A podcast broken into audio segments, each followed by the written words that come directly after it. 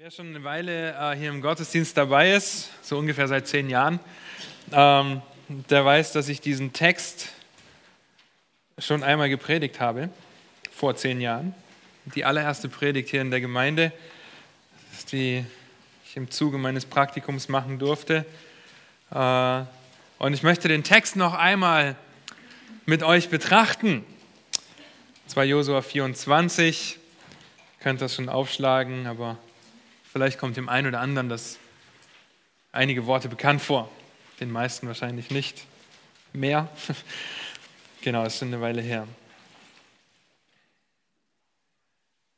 Wie weit kommt ihr? Das wurden wir gefragt, als wir auf einer Freizeit ein paar Spiele machen sollten, als äh, Kinder oder Jungschar im Jungscharalter. Vor uns lagen zwei große Baumstämme, nebeneinander angeordnet wie ein V, ja, ging auseinander. Und die Frage war, wie weit kommt ihr? Und das Ziel dieser ganzen Sache, dieses Spiels war es, auf beiden Baumstämmen gleichzeitig zu laufen, um bis ans Ende der Stämme zu kommen.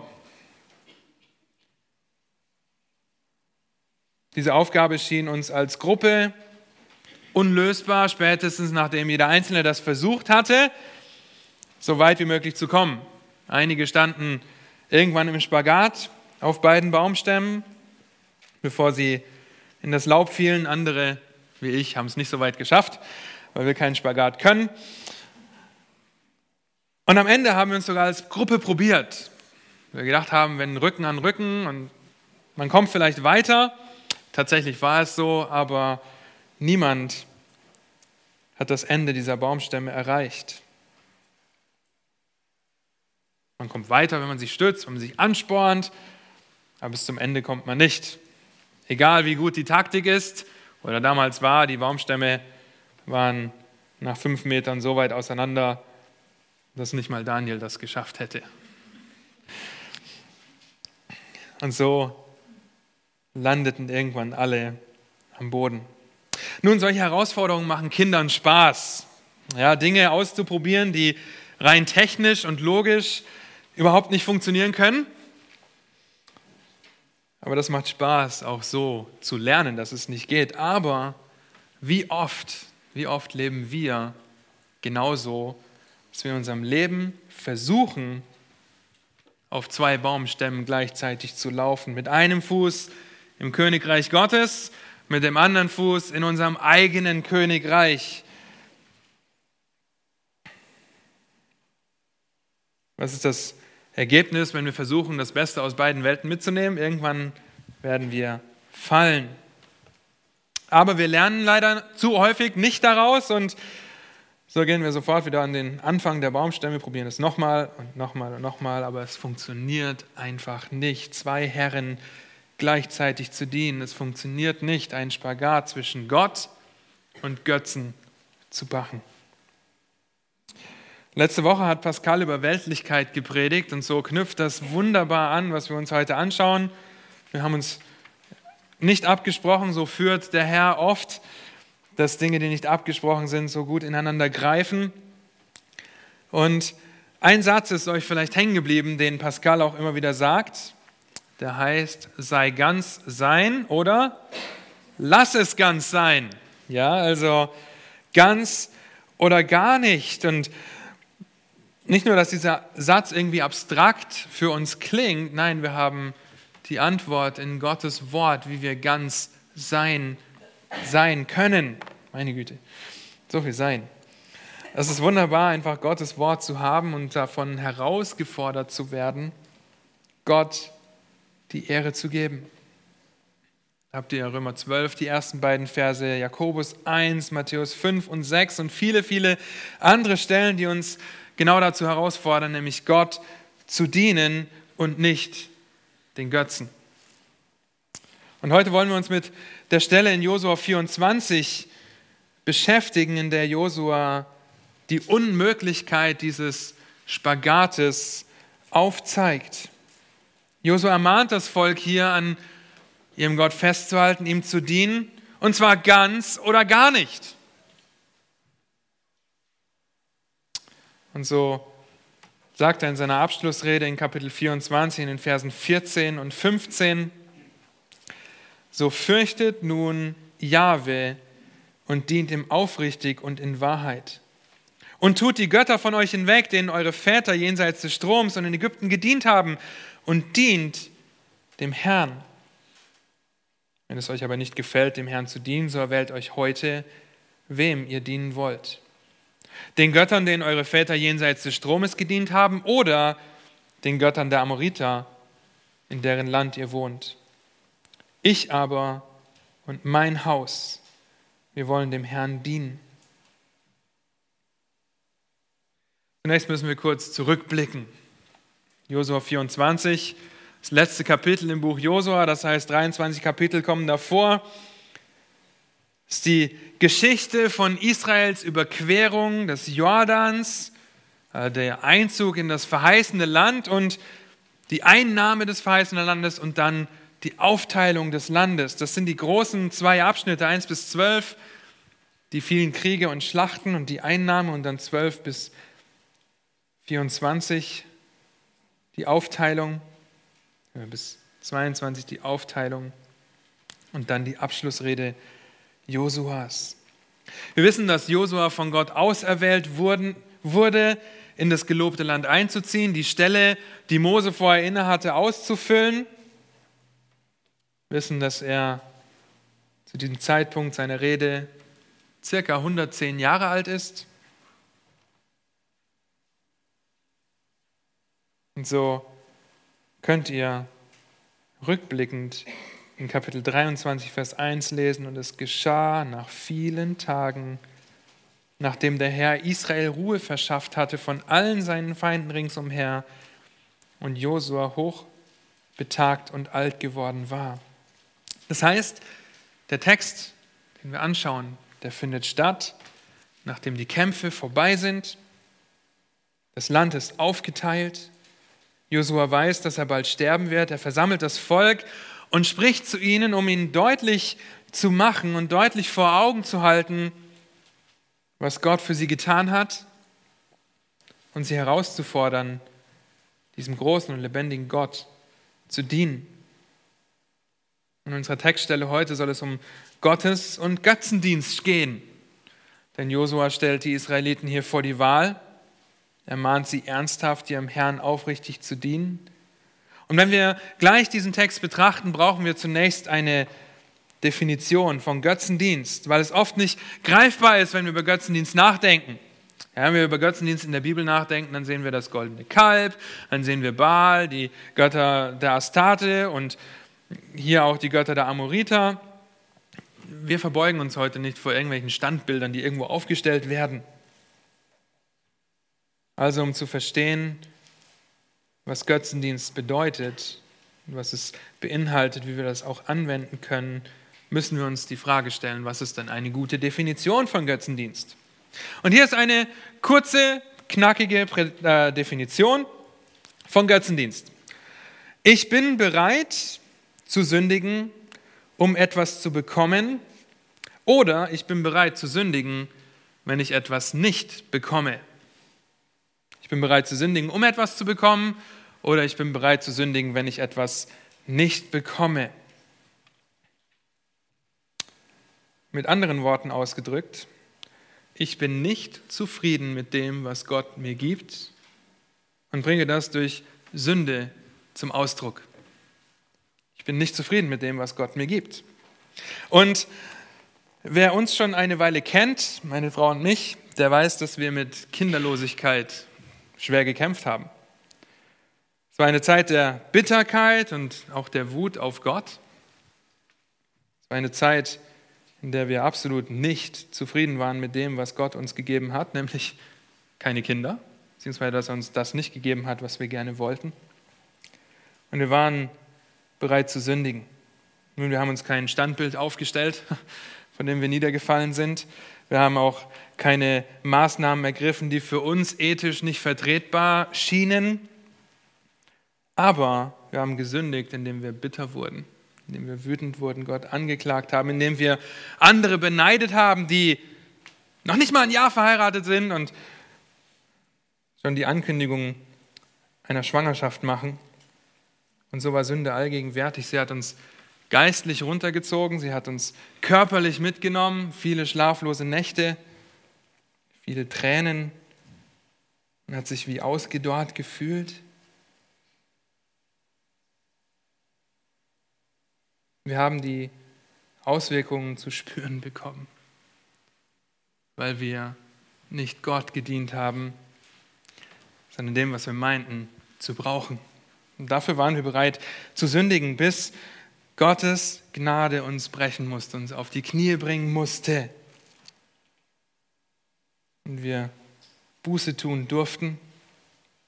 Von einem götzenzentrierten Leben, das sich nur um uns selbst gedreht hat, hin zu einem gottzentrierten Leben, das auf ihn geblickt hat und das uns daran erinnert hat, dass Gott unsere Freude ist und sein soll, dass er souverän über allem steht und dass er seinen Plan umsetzt. Der Kampf war nicht einfach, aber wir wussten, dass Gott einen wunderbaren Plan für uns hatte, dass er führen wird, so wie er das will, auch ohne Kinder, dass Gott uns zwei Jahre später ein Geschenk in Anna und jetzt auch noch in Laura gibt, hätten wir niemals erwartet und ist nicht unser Ziel gewesen, dann mehr, das mehr als alles andere zu wollen. Und das ist Götzendienst, ihr Lieben. Wenn ich bereit bin zu sündigen, weil ich unzufrieden bin mit dem, was Gott mir gibt oder was er mir nicht gibt.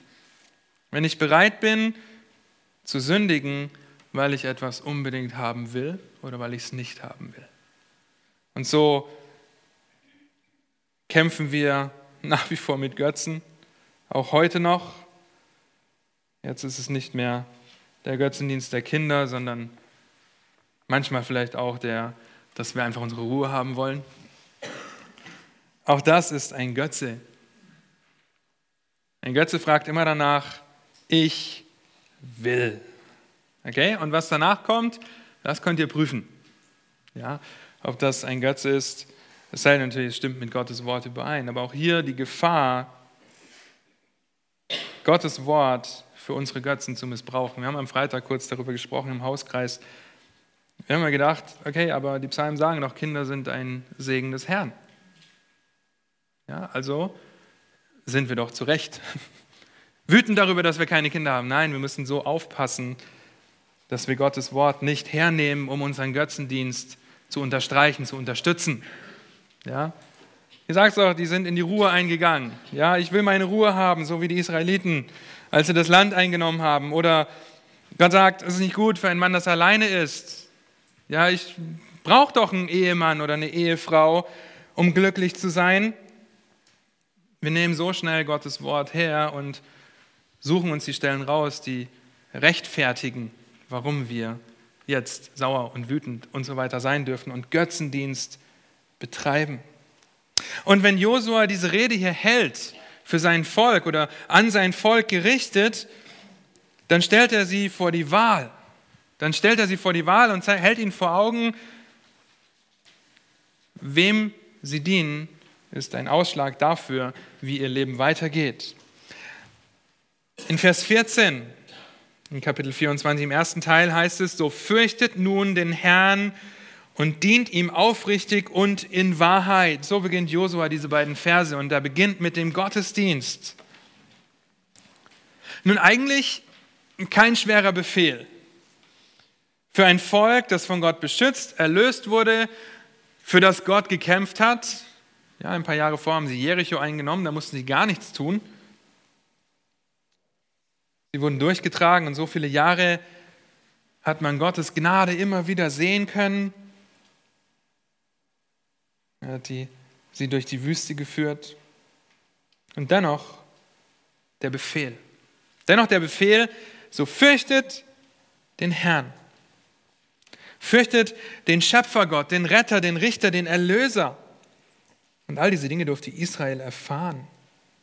Der gute und gerechte Gott, der das Beste für seine Kinder will, den sollten sie fürchten.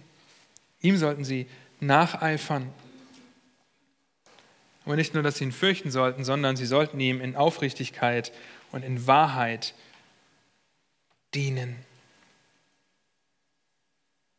Und Ulrich Wickert schreibt in seinem Buch, das Buch der Tugenden über Ehrlichkeit oder Aufrichtigkeit, folgendes Zitat. Ehrlichkeit im Verhalten meint, einen übernommenen Auftrag ohne den eigenen Vorteil wahrzunehmen und im Sinne des Auftraggebers sachlich zu Ende zu führen. Mit anderen Worten, wir sollen Gott ehrlich oder aufrichtig dienen. Wir sollen ihm zuerst dienen, weil er uns zuerst geliebt hat. Und wir sollen nicht einkalkulieren und sagen, ah, wenn ich jetzt dem das und das mitbringe, wenn ich freundlich zu meinem Bruder bin, wenn ich Alex oder Helmut ein Stück Fleisch mitbringe, ein richtig gutes Steak, dann bekomme ich da auch was zurück davon. Und dann werden sie mir irgendwas Gutes zurückgeben. Und so überlegt man, was kann ich denn tun, damit ich was zurückbekomme? Und so soll der Dienst in Ehrlichkeit nicht aussehen, selbstlos Gott zu dienen, ohne über den eigenen Vorteil nachzudenken. Und zwar den Vorteil, dass ich etwas für mich herausschlagen will. Ja, dass wir über den Vorteil nachdenken, den wir haben in Gott, wenn wir Gott dienen, dass wir gesegnet werden für Gehorsam. Darüber sollen wir nachdenken. Das soll unsere Motivation sein, dass wir Gott die Ehre geben und dass das Auswirkungen auf unser Leben hat. Auf jeden Fall.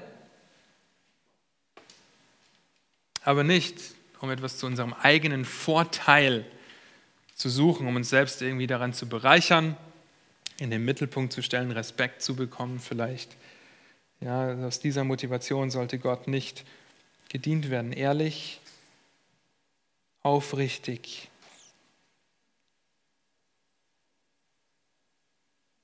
Und dann das zweite Wörtchen hier, die Wahrheit. In dem aufrichtig und in Wahrheit. Das bedeutet, Authentizität an den Tag zu legen. Was für ein schweres Wort. Einfach erklärt, wie verhalte ich mich wenn keiner dabei ist, wenn ich alleine bin? Oder sehen meine Gäste an meinem Lebensstil, dass ich Gott nachfolge, aufrichtig und in Wahrheit? Oder sind es nur leere Worte, die aus meinem Mund kommen? Und ein, ein, ein Beispiel für einen aufrichtigen oder nicht aufrichtigen, eine nicht aufrichtige Begebenheit, die findet ihr im selben Buch in Kapitel 7. Ja, wenn ihr euch erinnert, Jericho ist gefallen, ja, die sollten nichts mitnehmen. Und Achan hat Gottes Befehl nicht mit Aufrichtigkeit wahrgenommen, sondern er hat sich selbst bereichert, sein eigenes Verlangen höher gestellt als Gott. Und wir sehen, wie die Geschichte endet für Achan. Er stirbt, er und seine ganze Familie, weil Gott es sehr ernst nimmt mit der Aufrichtigkeit im Dienst für den Herrn. Vers 14 in Kapitel 24 geht noch weiter. So fürchtet nun den Herrn und dient ihm aufrichtig und in Wahrheit und tut die Götter von euch hinweg, denen eure Väter jenseits des Stromes und in Ägypten gedient haben und dient dem Herrn. Ob es ihre Vorfahren waren, in Ägypten oder auch schon vorher, sind alle dem Götzendienst verfallen. Wir kommen gleich noch auf diese verschiedenen Götzen in Vers 15. Aber Calvin hat es treffend gesagt, wenn er das menschliche Herz als ein Fabricum idolarum bezeichnet hat. Ja, also eine Fabrik, die Götzen produziert, am laufenden Band. Und deshalb muss Josua das Volk ermahnen. Nicht nur sagen, dient dem Herrn in Aufrichtigkeit und in Wahrheit, sondern auch, wie das geht, nämlich das Ablegen und das äh, Zerstören der falschen, der falschen Götter. Wir sehen ohne Zweifel, dass Josua in diesen zwei kleinen Versen einen sehr großen Schwerpunkt auf das Dienen legt. Denn im Hebräischen taucht dieses Wort allein in diesen beiden Versen siebenmal auf. Und er macht in diesem Vers deutlich, dass man nicht Gott und Götzen dienen kann. Nicht gleichzeitig, sondern dass man sich entscheiden muss. Und Josua leitet zu Vers 15 über. Zeigt auf, dass wir erst in Vers 14 unseren Gottesdienst aufrichtig tun sollen.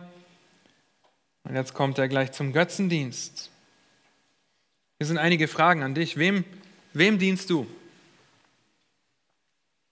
Kannst du der Aufforderung, Gott zu dienen, fröhlich folgen oder ist es einfach nur anstrengend? Wenn du es nicht kannst, was hält dich davon ab? Vielleicht kämpft ihr in ähnlicher Weise wie wir als Ehepaar. Oder du hättest gerne überhaupt einen Partner oder einen besseren Job, mehr Geld. Was hält dich davon ab, Gott zu dienen? Denn wir sollen unser Leben als ein Wohlgeruch für Gott darbringen und das in Aufrichtigkeit und Wahrheit tun. Was hält uns davon ab, das zu tun? Und wenn wir Gott nicht fürchten und ihm nicht in Aufrichtigkeit und Wahrheit dienen, dann trifft Vers 15, der erste Teil, wunderbar auf uns alle zu. Da heißt es nämlich für die Israeliten damals, ist es aber übel in euren Augen, dem Herrn zu dienen, denn er wählt euch heute, wem ihr dienen wollt. Entweder den Göttern, denen eure Väter gedient haben, als sie noch jenseits des Stromes waren, oder den Göttern der Amoriter, in deren Land ihr wohnt. Nun, es scheint, als ob Josua eine unverständliche Rede hält. Er sagt, okay, entweder oder Rede. Entweder ihr dient den Göttern eurer Väter oder den Göttern der Amoriter. Aber es ist nur indirekt eine Wahl zwischen Göttern. Was er eigentlich sagt hier in diesem Vers, wenn es übel ist, in euren Augen dem Herrn zu dienen, ist, dass wenn ihr lieben Israeliten Gott nicht dienen wollt, dann müsst ihr einem Götzen dienen. Ihr habt gar keine Wahl. Ja, es ist entweder Gott oder ein Götze, weil Gott hat uns in einer Abhängigkeit erschaffen. Er hat ein Vakuum in unsere Herzen gelegt, das gefüllt werden muss und gefüllt werden will. Und wenn wir es nicht mit Gott füllen, der der Einzige ist, der das ausfüllen kann, dann füllen wir es unweigerlich mit etwas anderem. Wir haben gar keine Wahl. Wir können nicht sagen, es bleibt einfach leer. Prestige, Respekt, Geld, Drogen, Sex, Kinder, Partner, Haus, Auto, Kleidung, Essen, Spielen, Technik, Bücher. Sucht es euch aus. Ja, die Liste ist unendlich mit Dingen, die Menschen tun, die auch Christen tun, um das Vakuum zu stillen könnt auch den Prediger lesen, dann wisst ihr genau, wovon äh, Salomo spricht, wenn er versucht hat, dieses Vakuum zu stillen. Hat er versucht, in anderen Dingen zu dienen, außer Gott. Josua stellt das Volk nicht vor die Wahl, Gott zu dienen oder niemandem, sondern er stellt sie vor die Wahl, du dienst entweder Gott oder unweigerlich einem Götzen. Welcher Götze das dann ist, ist egal. Aber unweigerlich wirst du einem Götzen dienen. Josua stellt das, Gott, stellt das Volk quasi mit dem Rücken zur Wand.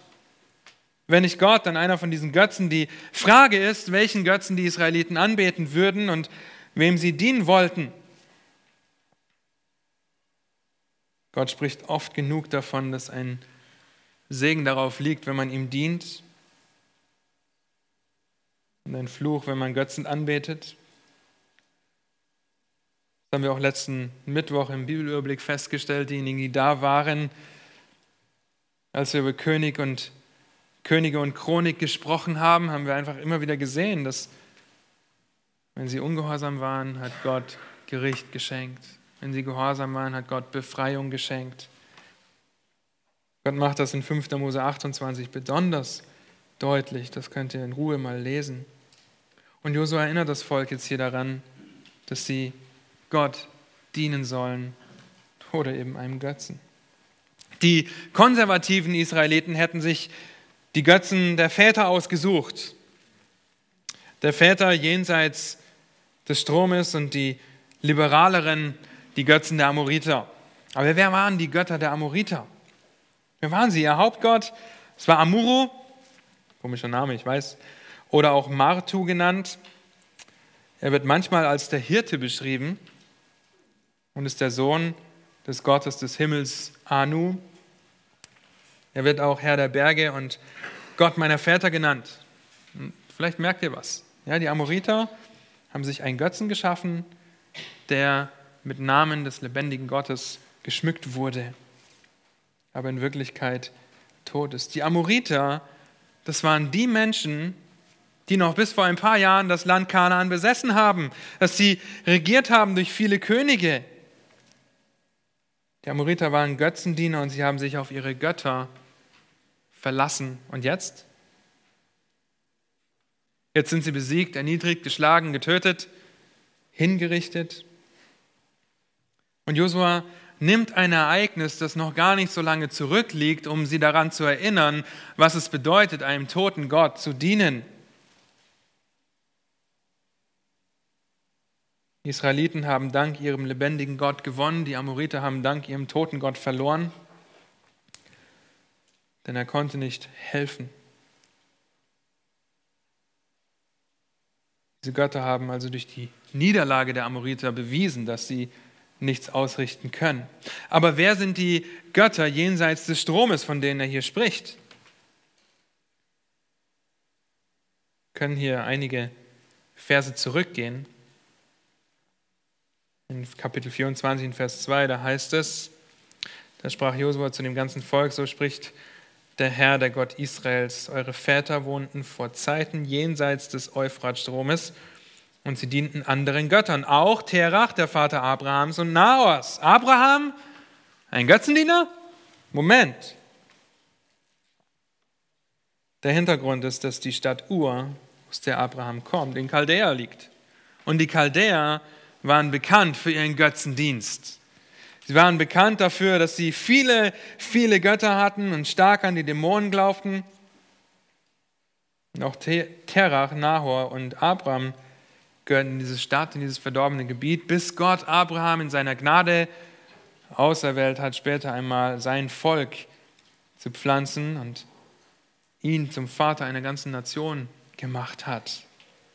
Josua fordert die Israeliten also auf, dass sie sich für diese Götzen entscheiden müssen. Sie können gar nicht anders, als einem Götzen zu dienen, wenn sie Gott nicht dienen wollen. Er trifft die Entscheidung nicht für das Volk, sondern stellt ihnen einfach die Frage, wem sie dienen wollen.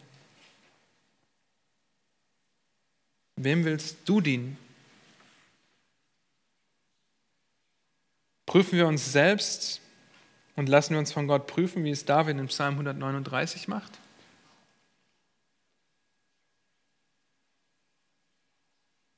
Oder sehen wir einfach drüber hinweg und tun gar nichts? Leben einfach so weiter wie bisher, ohne darüber nachzudenken, wem wir überhaupt dienen und wie dieser Dienst aussieht. Wir haben vorhin schon versucht, etwas zu definieren, was die Bibel über Götzendienste sagt. Und sie hat viel zu sagen. Sie macht es mit klaren Worten und auch vielen Bildern deutlich. So möchte ich zwei Stellen mit euch anschauen, die ihr ebenfalls im Alten Testament findet. Einmal Jeremia 10, die ersten sechs Verse, da heißt es, hört das Wort des Herrn. So spricht der Herr.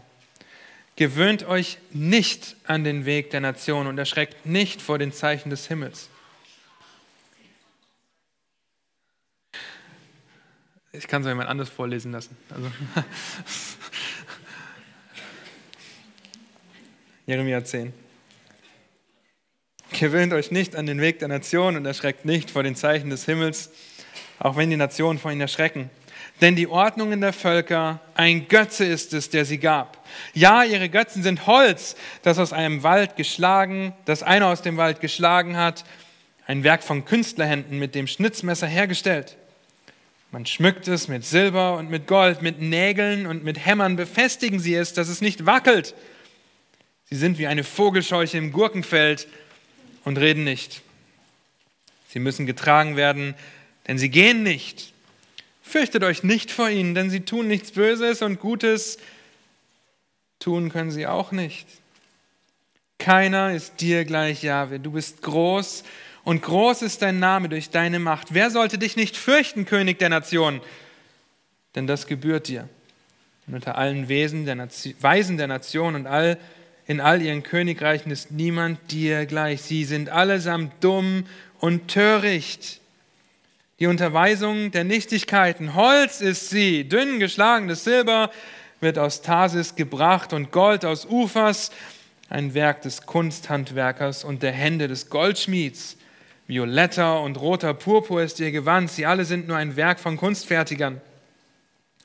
Aber Jahwe ist in Wahrheit Gott.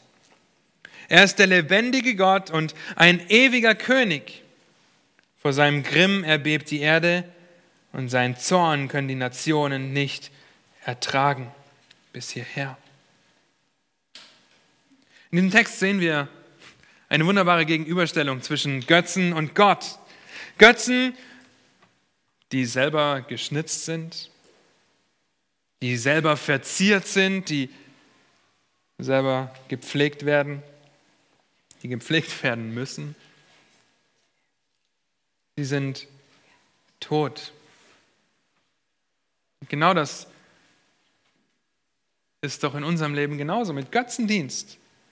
Wir versuchen uns selber eine Vorstellung zu schnitzen, was wir gerne hätten, wie das sein soll. Wir verzieren das, wir hegen und pflegen das und pushen das auf. Vielleicht werden die Sorgen in der Nacht immer größer und man kann nicht schlafen. Man wird wütend auf andere, die mehr haben als ich und man wird wütend auf Gott, weil man versucht, seinen Götzen so schön aufzubauen und sich so schön zu reden, aber er ist tot. Er ist tot, es bringt gar nichts. Er macht nur Arbeit, der Baum muss gefällt werden, es muss geschnitzt, verziert werden. Ein enormer Aufwand für etwas, was gar nichts bringt. Wie beschreibt Gott diese Götzen? Als Vogelscheuchen. Vogelscheuchen im Gurkenfeld. Wisst ihr, wozu Vogelscheuchen da sind? Sie sollen Vögeln vermitteln, dass ein Mensch auf dem Feld steht der sie verjagt. Aber habt ihr schon mal eine lebendige Vogelscheuche? Vielleicht schon, ich weiß nicht. Ähm,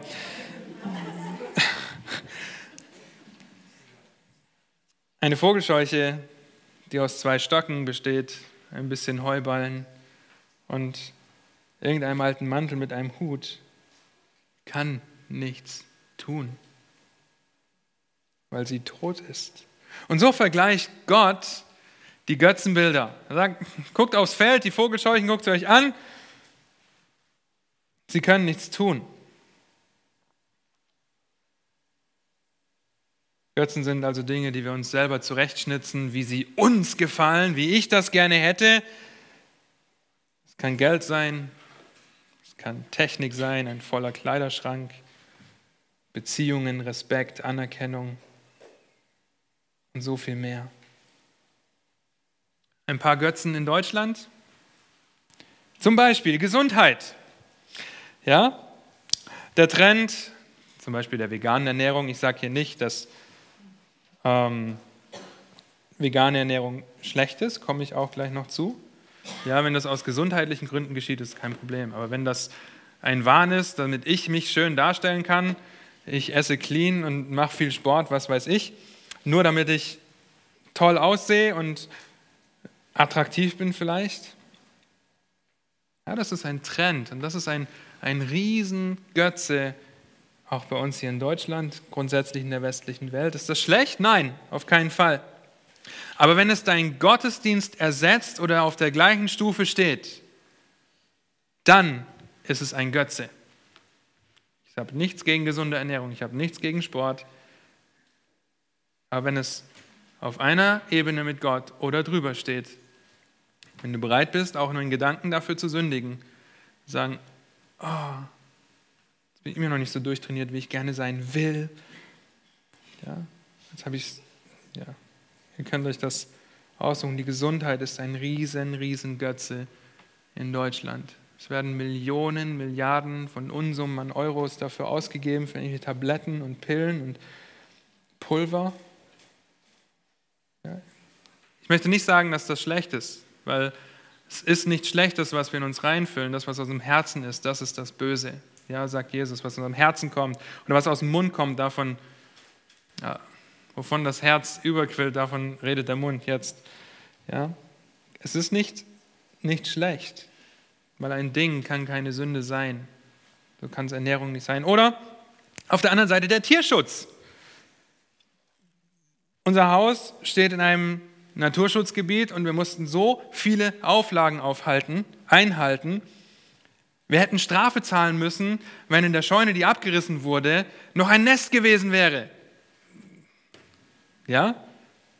Wir hätten Strafe zahlen müssen, wenn wir bestimmte Eier zerstören, Vogeleier, weil bestimmte Vogeleier unter Naturschutz stehen. Aber ein Embryo, nur ein Haufen Zellen, ja, die man ohne weiteres entsorgen kann. Ja, wir verstehen und sehen, wie sehr die Welt, auch hier in Deutschland, wie sehr wir verdreht sind, wie sehr die Schöpfung mit dem Schöpfer vertauscht wurde. Römer 1, ihr könnt Römer 1 lesen und findet wunderbar, wo die Gesellschaft steht. Ist ein guter Umgang mit Tieren schlecht? Auf keinen Fall. Ja, Gott hat uns die Schöpfung anvertraut, dass wir uns um sie kümmern. Das sollen wir auch nach wie vor tun. Das heißt, wir sollen auch gut mit Tieren umgehen. Aber es kann so schnell zum Götzen werden. Schnitze dir nicht tote Götzen, die dein Leben nur erschweren, weil du sie rumtragen musst, weil sie tot sind. Eine andere Stelle findet ihr in Hesekiel, Kapitel 14. Da heißt es ab Vers 2, und das Wort des Herrn geschah zu mir so. Menschensohn, damit ist Hesekiel gemeint, diese Männer haben ihre Götzen in ihrem Herzen aufkommen lassen und den Anstoß zu ihrer Schuld vor ihr Gesicht gestellt. Sollte ich mich da etwa von ihnen befragen lassen? Darum rede mit ihnen und sage zu ihnen, so spricht der Herr. Jedermann vom Haus Israel, der seine Götzen in seinem Herzen aufkommen lässt und den Anstoß zu seiner Schuld vor seinem Gesicht aufrichtet und dann zum Propheten kommt, ich, der Herr, ich selbst lasse mich für ihn zu einer Antwort bewegen, gemäß der Menge seiner Götzen, damit ich das Haus Israel an seinem Herzen fasse, weil sie sich allesamt um ihre Götzen willen von mir abgewandt haben. Darum sage zum Haus Israel, so spricht der Herr, kehrt um und wendet euch ab von euren Götzen und von allen Gräueln, wendet eure, euer Gesicht ab in jedermann vom Haus Israels und von den Fremden, die sich in Israel aufhalten, der sich von mir trennt und seine Götzen in seinem Herzen aufkommen lässt und den Anstoß zu seiner Schuld vor seinem Gesicht aufrichtet und dann zum Propheten kommt, um mich für sich zu befragen. Ich, der Herr selbst, lasse mich für ihn zu einer Antwort bewegen. Und ich richte mein Angesicht gegen einen solchen Mann und mache ihn zu einem Denkzeichen und zu Sprichwörtern und rotte ihn aus der Mitte meines Volkes aus. Und ihr werdet erkennen, dass ich der Herr bin. In diesen beiden Stellen, die wir gerade gelesen haben, haben wir schon gesehen, wie das Volk sich entschieden hat. Auch wenn sie in Josua 24 sagen, mhm, wir wollen dem Herrn dienen auf jeden Fall. Und Hesekiel 14 macht deutlich, dass Götzendienst nicht mit einem Standbild beginnt, das wir uns irgendwo aufstellen, sondern was sagt es? Götzen, wo sind sie? Im Herzen. Im Herzen. Das heißt hier drin. Es ist nichts Externes, was irgendwo auf einmal steht und ich denke, oh, jetzt falle ich davon nieder, ja, es ist etwas in meinem Herzen, was rauskommen wird, was sich durch Taten, durch Worte, durch Dinge, durch Beziehungen, was sich dadurch äußert. Ja, sie haben Götzen ihrem Herzen und das bewegt sie dazu, diese Schaubilder, diese Schreckensbilder aufzustellen. Es bewegt sie dazu, das anzubeten. Götzendienst beginnt in unserem Herzen.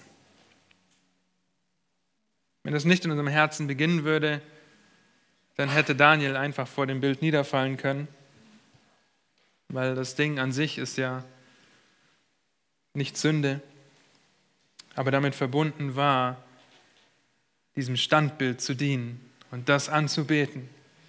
Und in Daniels Herzen war das die Gräueltat, die von ihm verlangt wurde, die er nicht machen konnte. Das waren die drei Freunde von Daniel. Entschuldigung. Daniel wurde in die Löwengrube geschmissen, weil er das nicht getan hat. Hier spricht Gott von Götzen in unserem Herzen.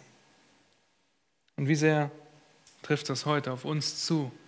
Wie schnell werden wir überflutet von den Götzen, die unser Herz produziert? Ich will meine Ruhe haben. Ich will, in meinem Fall, sehr oft pünktlich ins Bett kommen, am Abend.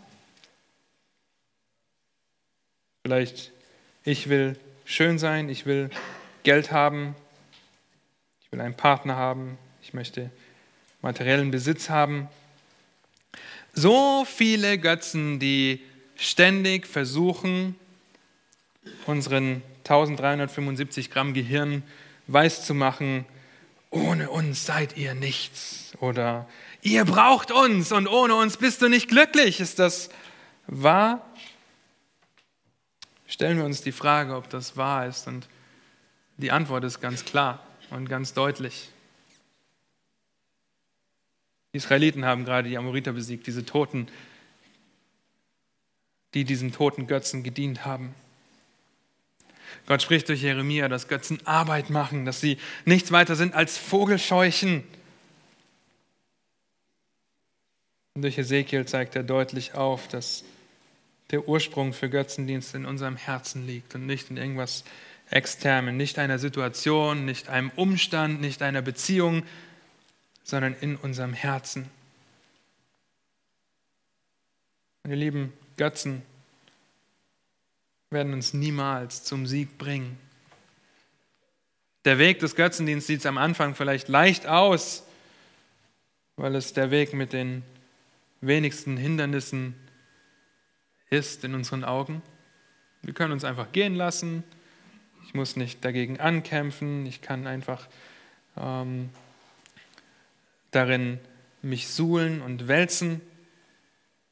Aber der Ausgang ist der, dass wir fallen werden und dass die Steine auf dem Weg viel größer sind als die Steine, die wir vielleicht sehen, wenn wir sagen, ich möchte Gott dienen. Und ich sehe da Steine, vielleicht sehe ich einen ganzen Berg, den ich überwinden muss, aber ich möchte das tun, weil ich weiß, was das Ende ist, was das Ziel ist.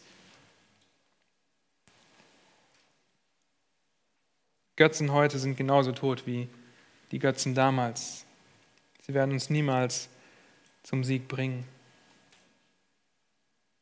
Meine Herausforderung an dich, an mich, an uns alle, ist, dass wir wirklich ehrlich mit uns sind und uns prüfen lassen von Gott, dass wir herausfinden, in welchen Bereichen wir Götzendiener sind und uns da auch gegenseitig anspornen,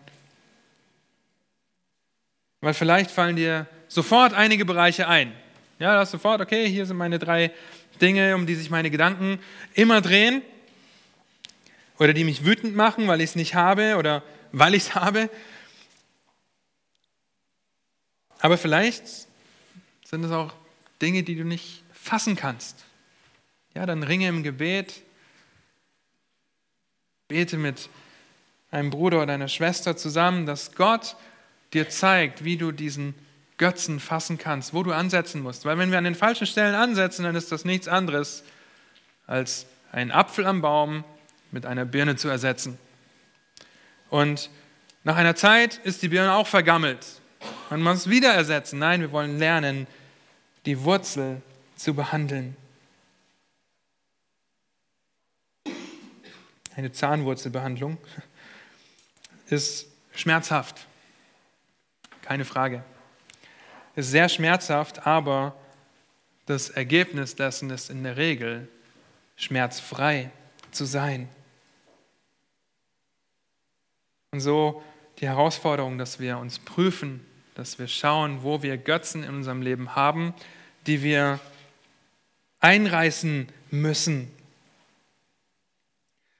Die Frage, die Pascal letzte Woche gestellt hat, ist da sehr gut. Was ist dein erster Gedanke am Morgen? Kaffee. Oh. Das ist Pascals Gedanke. Nein, ich will ihm nichts unterstellen. Ähm, andere Fragen wären, was vereinnahmt deine Gedanken? Um was, um was drehst du dich immer wieder in Gedanken? Ja, während dem Tag, während der Woche. Das müssen nicht mal die ersten Gedanken am Morgen sein. Oder wofür gibst du dein Geld aus? Was macht dich wütend? Was ist schwer zu akzeptieren? Das sind Fragen, mit denen du dich prüfen kannst und überprüfen kannst, ob es Götzen in deinem Leben gibt. Nehmen wir uns bitte, bitte die Zeit, Gott anzuflehen, uns zu zeigen, ob wir es ernst meinen oder nicht. Und nimm die Bibel nicht als Ausrede für deinen Götzendienst, so wie wir es gemacht haben. Ist es aber übel in euren Augen, dem Herrn zu dienen, dann erwählt euch heute, wem ihr dienen wollt. Entweder den Göttern, denen eure Väter gedient haben, als sie noch jenseits des Stromes waren, oder den Göttern der Amoriter, in deren Land ihr wohnt. Josua bringt hier eigentlich einen sehr absurden Punkt. Stellt den lebendigen Gott mit toten Götzen gegenüber und das ist eigentlich eine sinnlose Gegenüberstellung. Josua möchte hier klarstellen, dass wer nicht Gott dient, ein Narr ist, ein Tor ist und dass die Optionen, die dann noch offen bleiben, nämlich einem Götzen zu dienen, nicht wirklich irgendeinen Sinn ergeben. Vers 16 ist die Antwort des Volkes, das sei ferne von uns, dass wir dem Herrn verlassen und anderen Göttern dienen. Was die Realität heute mit Israel oder schon wenige Jahre nach dem Tod der Generation Josuas? Die sind abgefallen. Das ganze Buch Richter, die Propheten, Könige, Chronik, sie alle zeigen uns, wie sie abgefallen sind und sich fremden Göttern zugewandt haben, auf was, auf das Gott mit Gericht antwortet, weil er das direkt von Anfang an gesagt hat, was sein wird, wenn sie ihm nicht dienen. Entweder man dient Gott, das hat die Konsequenz, dass man Götzen ausmerzt, alles daran setzt, sie rauszuwerfen und niederzureißen, oder man dient, dient den toten Götzen der Welt. Ganz oder gar nicht. Wem willst du dienen? Denn unser Herr Jesus sagt, niemand kann zwei Herren gleichzeitig dienen. Denn entweder wird den einen hassen und den anderen lieben, oder er wird einem anhängen und den anderen verachten. Ihr könnt nicht Gott dienen und dem Mammon. Entweder Gottesdienst oder Götzendienst. Erinnert euch an die Baumstämme. Es ist ein Spagat, der unmöglich ist. Ein Spagat, der mit einem bösen Sturz verbunden ist, wenn man meint, man kann beides tun. Auch als Kind Gottes. Weil Gott ein liebender Vater ist, der seine Kinder auch in Zucht nimmt. Ihr Lieben, wir dürfen und das ist so wunderbar, wir dürfen dem einzig wahren, lebendigen Gott dienen, der uns durch seinen Sohn Jesus Christus von der Sklaverei der Sünde befreit hat, um uns als seine Kinder zu adoptieren. Macht euch da Gedanken drüber. In der Bibel heißt es nirgendwo, wir sind jetzt Sklaven Jesu Christi und vorher waren wir frei. Nirgendwo heißt es das.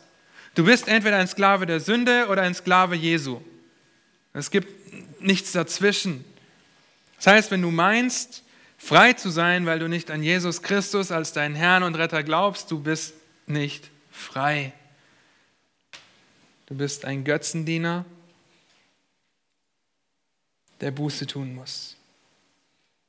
Aber lasst uns Christus, lasst uns Gott anflehen, dass er uns zeigt, wie wir die Götzen in unserem Leben niederreißen können und lass es nicht nur dabei bleiben, sondern suche dir Hilfe, auch innerhalb der Gemeinde. Dafür ist Jüngerschaft, Seelsorge Dafür sind diese Dinge da, dafür ist die Gemeinschaft der Gemeinde da. Kämpfe den Kampf gegen deine Götzen bitte, bitte nicht alleine. Im letzten Teil von Vers 15 macht Josua unmissverständlich deutlich, was sein Standpunkt ist. Egal wie sich das Volk entscheidet, sagt er, ich aber und mein Haus, wir wollen dem Herrn dienen. Das ist kein Freibrief für die Israeliten, den Götzen zu dienen, sondern vielmehr die Bekräftigung Josuas, der stark und mutig war bis zum Schluss. Er und sein Haus wollen ganz hingegeben für Gott sein. Nach seiner Rede sehen wir, dass das Buch Josua zu Ende geht und sich das Volk sehr schnell von Gott abwendet. Den Götzen verfällt, sie verehrt und sie anbetet, sie sogar schnitzt und tolle Häuschen dafür baut. Ein Gottesdienst heute ist genauso wie damals.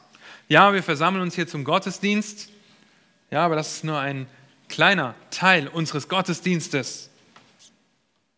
Ihr wisst das.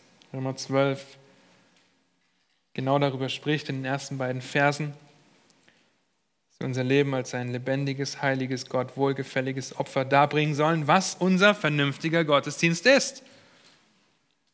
Wie lebst du, wenn du aus dieser Tür rausgehst? Wie sieht deine Woche aus?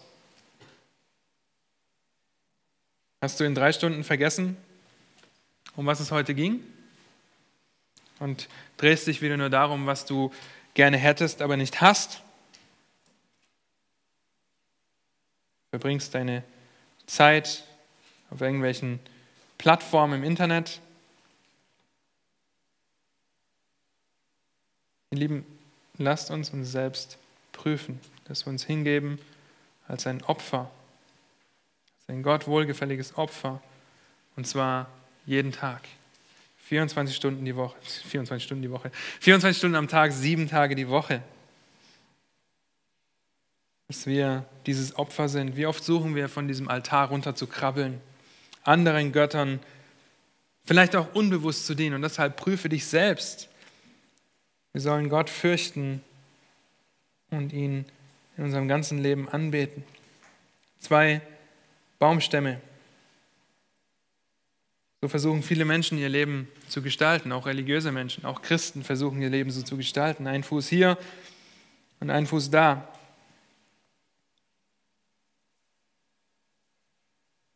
Auf der einen Seite der gute, liebende Gott und auf der anderen Seite der Egoismus, der unabhängig von Gott leben will. Wir müssen uns immer wieder entscheiden, wem wir dienen wollen. Wir dienen Gott oder Götzen. Und Gott möchte, dass wir ihm dienen. Und wisst ihr, eines Tages wird sich jedes Knie vor ihm beugen und jede Zunge bekennen, dass Christus der Herr ist zur Ehre Gottes des Vaters. Ob du die Entscheidung zu deiner Lebzeit triffst oder nicht. Und wenn du ein Kind Gottes bist, dann hast du jetzt das Privileg und das Vorrecht, deine Knie vor ihm zu beugen. Und er erlöst dich. Und er nimmt dich als sein Kind an.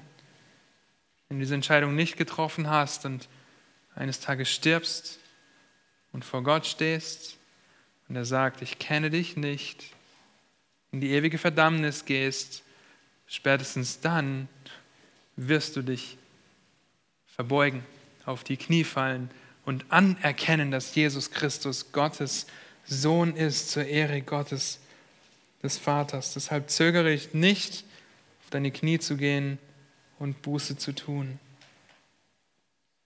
Der Tod Jesu Christi ist der einzige Ausweg aus dem Götzendienst für uns heute. Und auch wenn du errettet bist, dein Leben ist ein Leben in dem Bewusstsein, dass Jesus für deine Sünde gestorben ist. Deswegen feiern wir das Mal des Herrn dass wir aus Gnade errettet sind. Und nicht nur, dass wir aus Gnade errettet sind, sondern dass der, der ein gutes Werk in uns begonnen hat, es auch zu Ende bringen wird. Wir können nicht aus Werken, die wir tun, gerettet werden, aber wir können Werke tun, weil wir gerettet wurden. Und zwar beinhaltet das unser ganzes Leben. Deshalb überlegt dir, wem willst du dienen? Wie sieht dein Gottesdienst gerade aus? Hast du mangelnde Gottesfurcht? Und hast du Götzen in deinem Leben, die dir wichtiger sind als das, was Gott in seinem Wort sagt und wer Gott ist?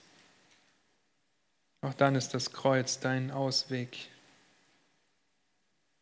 Und dann prüfe, ob da eventuell Götzen sind, die aus dem Weg geräumt werden müssen. Und wir alle haben Götzen in unserem Leben. Es gibt niemanden, der keine Götzen hat, weil unser Herz eine Götzenfabrik ist. Wem willst du dienen?